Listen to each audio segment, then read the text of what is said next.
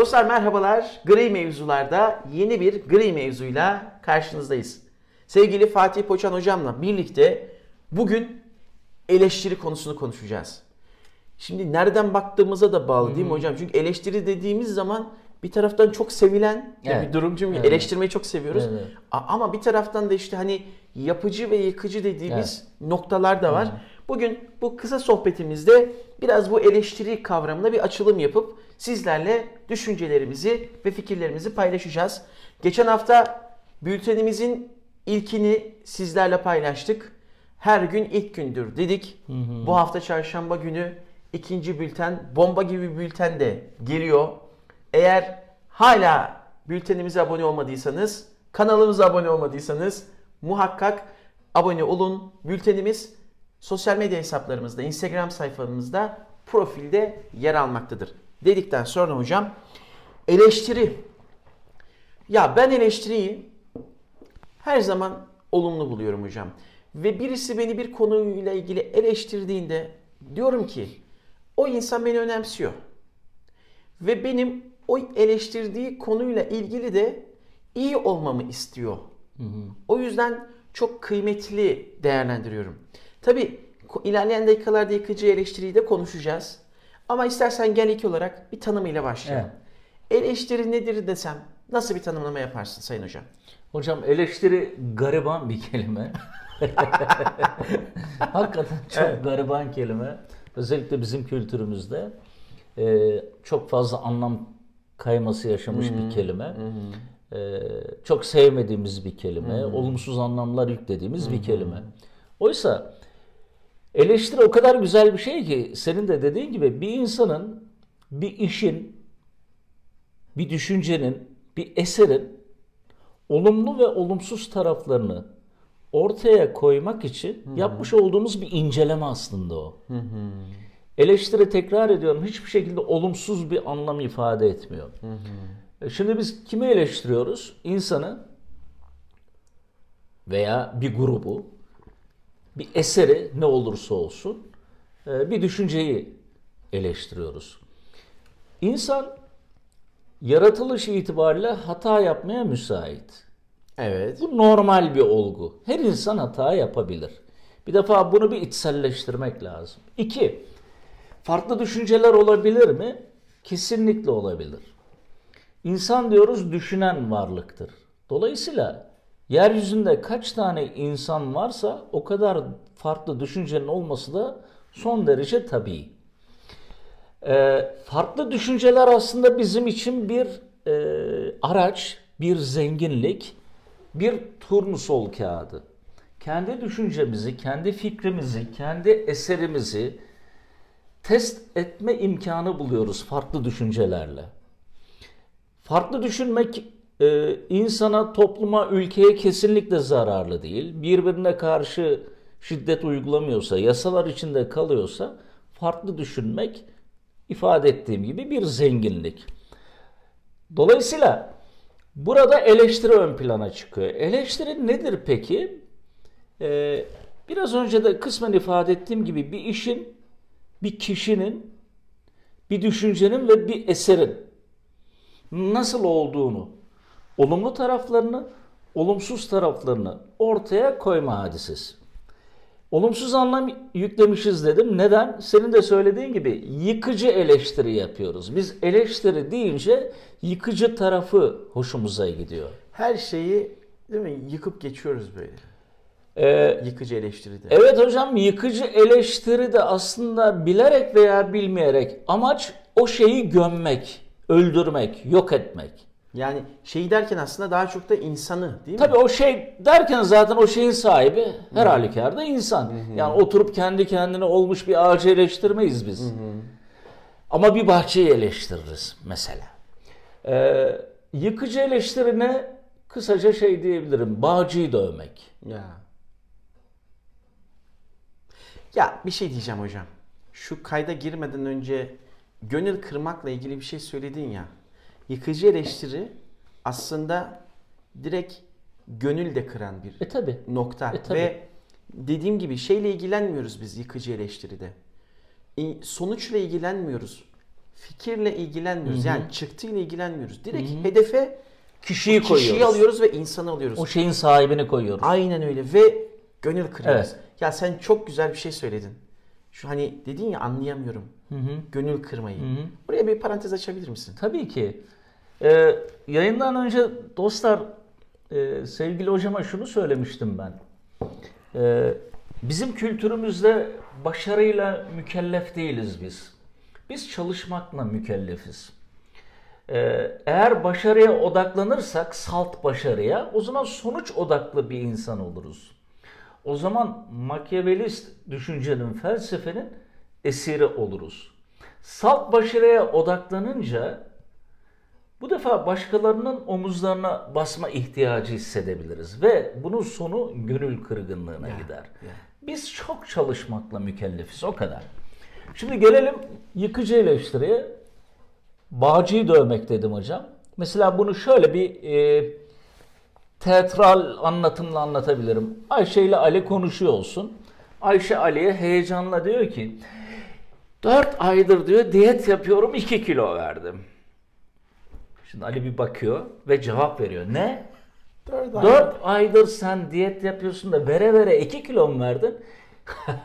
ya anacığım bıraksan o diyeti ye sen ye. Ya ne kadar sinir bozucu. Bu yık bu yıkıcı diyetin dik alası değil mi? o alttaki mesajını Evet. vermiş olduk. Şey, yıkıcı Hakikaten. eleştirilir. Tabii, tabii, tabii. İnanılmaz bir şey. Tabii, Peki tabii. yapıcı eleştiri ne? Yapıcı eleştiride amaç üzüm yemek. Yapıcı eleştirinin daha doğrusu eleştirinin amacı o şeyi geliştirmek. Bulunduğu noktadan daha iyiye götürmek. Olumsuz taraflarını ortaya koymak, olumlu taraflarına da vurgu yapmak. Yani üzümü yemek.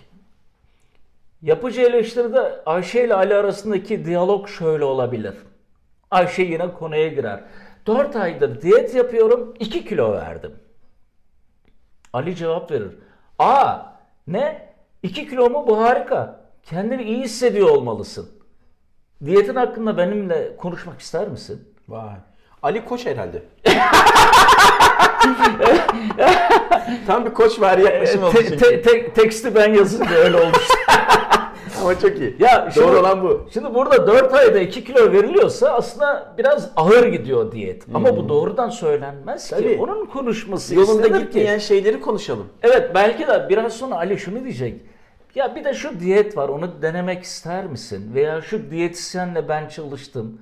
Veya eşim, dostum çalıştı. Çok iyi netice aldı. Belki konuşmanın ilerleyen bölümlerinde 4 ayda 2 kilo vermek sence normal mi? Filan gibi farkındalık uyandırır. Yapıcı eleştiride insan. Yıkıcı eleştiride ise bodoslama dalar. Peki bir şey daha soracağım buradan çık. Ya 2 kilo verdiysen sen 8 kiloyu da verirsin. Yaklaşımı. Evet. Hocam ona mıdır, motivasyon- yapıcı mı? Yok hocam o yapıcı. Ona gazlama diyoruz değil mi? Ee, eleştiride gazlamanın ben karşısındayım ama bu motivasyondur. Yani bunu Oradaki o ince çizginin de farkına varmamız gerekiyor. ya hocam gazlama ne? Şöyle. Zaten gazladığın zaman gaz yemez. Çünkü tabiatında o gazı e, işleyecek bir şey yoktur. E, yapı yoktur. Gazlama muhtemel en yüksek başarıdan daha fazla başarı elde edebileceğini ona İnandırmak. söylemektir. Evet. Ama aslında netice bellidir yani. Onu yapamaz. Eyvallah. Şimdi e, eleştiri hocam nötr bir noktadadır. Yani sayı doğrusunda sıfırın olduğu yerde. Eleştiri nötr noktada. Bir tarafta olumlu eleştiri var, bir tarafta olumsuz eleştiri var. Eleştiri ise tamamen nötr. Dolayısıyla eleştiri her zaman gerektiğinde elbette olumlu ve olumsuz tarafları da beraberinde taşır. Bir de e, tabii bu eleştiri yapan açısından bir de eleştiriyi dinleyen açısından baktığımızda aslında hani o nötr nokta dedin ya hocam. Evet. Orada da verdiği, yüklediği anlam ve verdiği yorum çok önemli. Yani hani biz hep şunu söylüyoruz ya e, aslında her şey olması gerektiği gibi ama biz kendi zihnimizde nasıl yorumluyorsak onu da öyle görüyoruz. Yani olaylar verdiğimiz tepkiler sonuçları oluşturuyor. Çok basit bir formül aslında bu.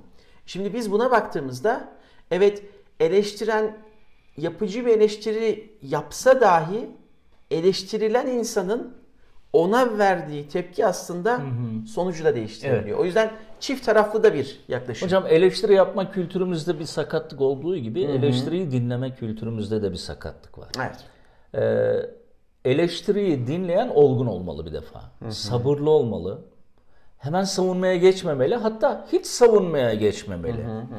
Ben bu eleştiriden acaba ne elde edebilirim ve kendimi nasıl veya eserimi nasıl daha fazla geliştirebilirim sorusunu dinlerken sık sık tekrar etmeli. Hatta bir ileri boyuta daha alayım. Onu ben de çok beceremiyorum maalesef. Sessiz kalmalı. Katılsa da katılmasa da eleştiriye sessiz kalmalı. Çünkü savunmaya geçtiği anda dinleyen eleştiri yapanın önünü kesiyor demektir. Tamam yeter daha fazla konuşma. Mesajını veriyor demektir. Oysa arkadan belki daha çok güzel eleştiriler gelecek. Güzel derken olumlu anlamda olumlu eleştiriyi kastetmiyorum. Gerçekten benim göremediğim eksiğimi, benim göremediğim negatif tarafı görüp bana söyleyecek belki de. Ama önünü kesersem onu söyleyemez.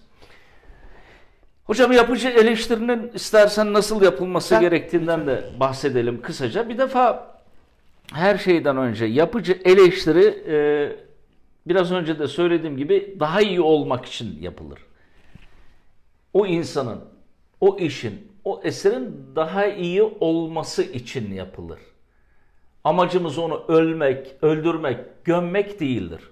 Onun daha iyi olmasını istiyorsak eleştiri yapalım, yoksa susalım. Birincisi bu.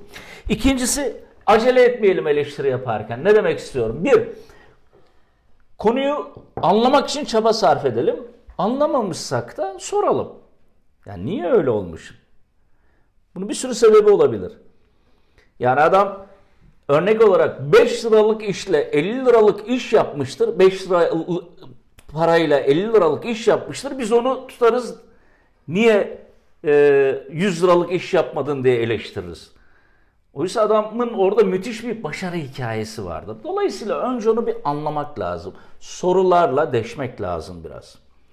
İki, hiç anlamadığımız bir konuysa eleştiri yapmama hakkını saklı tutalım ve yapmayalım eleştiri. Aklımıza gelen ilk şeyi hemen ifade etmeyelim. Biraz bekleyelim. İlk sözler genelde tepkiseldir. Olumlu veya olumsuz. Genelde tepkiseldir. O yüzden yapıcı eleştiride acele etmemek, biraz es vermek, 30-40 saniye, birkaç dakika beklemek esas olmalıdır. Üçüncüsü mantıklı öneriler içermeli mutlaka. Ne demek istiyorum? Konuyu dinledik. Eleştiri yapıyoruz. E, eleştiriyle birlikte çözüm, Çözümü de önerisi veya bir takım tavsiyelerde de bulunmamız gerekecek. Burada uçuk, kaçık, yapılması mümkün olmayan, biraz önce vermiş olduğum örnekteki gibi yalnızca 5 lira sermayesi olan bir insana 100 liralık işi tarif etmek aslında yapıcı eleştiri sınırlarının dışına çıkmaktan başka bir şey değil. Motivasyona düşürür. Tabii ki hocam. Motivasyon da düşüyor. Oysa o adam 5 liralık işten 50 liralık 5 liradan 50 liralık iş yapmış. 4 biraz önce söyledim. Gaz vermemek lazım. Olumlu ve olumsuz tarafları neyse ortaya konmalı. Hiçbir şey mükemmel değil. Hiçbir şey de berbat değil. Sadece bizim hangi anlamları yüklediğimize göre değişiyor bunlar. Çok iyi gördüğümüz şeyin iyi taraflarını görme eğilimindeyiz genelde. Kötü gördüğümüz şeyin de kötü taraflarına odaklanma eğilimindeyiz. Burada iyi gördüğümüz şeylerin olumsuz taraflarını, kötü gördüğümüz şeyin de olumlu taraflarına odaklanır ve geri bildirimi böyle yaparsak işe yarar. Yoksa hiçbir işe yaramaz. Benim yaptığım eleştiri. Hani körler sağırlar birbirine ağırlar var. Aa hocam harikasın. Aa mükemmelsin hocam. Uçuyorsun, Ee, kaçıyorsun. ama bu arada bir sürü eksiğini gördün aslında. E, onu kırmamak için söylemedim. Hiçbir işe yaramadı. Dostluk o değil. Çok güzel hani hep diyorum ya o ataları ben çok severim. o atalar öyle güzel laflar söylemiş ki dost acı söyler demiş. Tabii tabii. Ha, bunu biraz değiştireyim ben. Dost üslubuyla söyler. tabii. 5. Dostça yapılmalı, düşmanca değil. İşte burada üsluba gireceğim. Şimdi hocam birine eleştiri hakkı vermişsek ona şu hakkı vermiş oluyoruz. Ya ben şimdi şu basamaktayım. Sen benim biraz üstüme çık ve beni eleştir. Ne demek istiyorum? Eleştiren her zaman işin doğası gereği Bir tık. bir tık yukarı çıkar. Bu kesinlikle karşımızdakini küçümsememiz Anlamına gelmez. gerektiği anlaşılmamalı. O anlama gelmemeli. Onu küçümsememeliyiz. Samimi bir şekilde onu eleştirmeliyiz. Olumlu taraflarında, olumsuz taraflarında. Burada da hocam şuna dikkat etmek lazım. Bunu insan kaynaklarında çok kullanırız veya performans değerlendirmesinde. Sandviç yöntemi. Hmm, evet. Önce olumlu taraflarını söyleyin. Sonra araya mesajı koyun. Olumsuz taraflarını. Ondan sonra yine bir olumlu tarafıyla konuyu kapatın. Ve bunu güzel bir üslupla söyleyin. Zaten sizin samimiyetinizi görünce ne kadar ağır eleştiri yaparsanız yapın o karşı taraf tarafından büyük ihtimalle hüsnü kabul görecektir. Büyük ihtimalle tabii onda e, eleştiri kaldırma kültürü varsa hocam. Şimdi buna benzer, yani tam eleştiriye girmeyeceğim ama içinde eleştiri de var. Bizi izleyenler arasında üniversite öğrencileri de var, profesyonel insanlar da var. Sunum tekniklerinde de bu böyledir değil mi hocam? Yani bir sunuma başlarken başlangıcın ve bitişin performansı olabildiğince üst düzeyde olmalıdır. Yüksek olmalı tabii. Arada hatalar olabilir. Arada yanlış yapılabilir. Ama başlangıçta ve sonda o performans ve samimiyet karşı taraf algılarsa aradaki o hataları Ne? e, tolere edebilir. Tolere eder.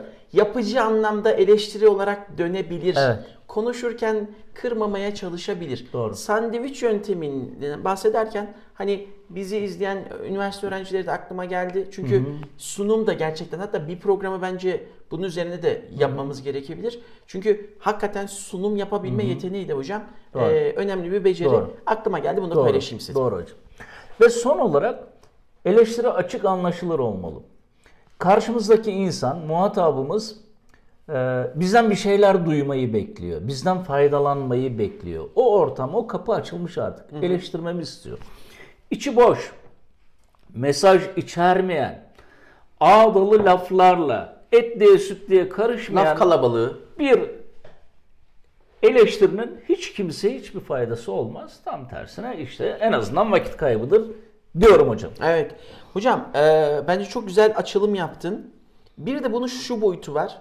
E, anne ve babalar. Ya ben hani çocuk boyutuna da değinmek istiyorum.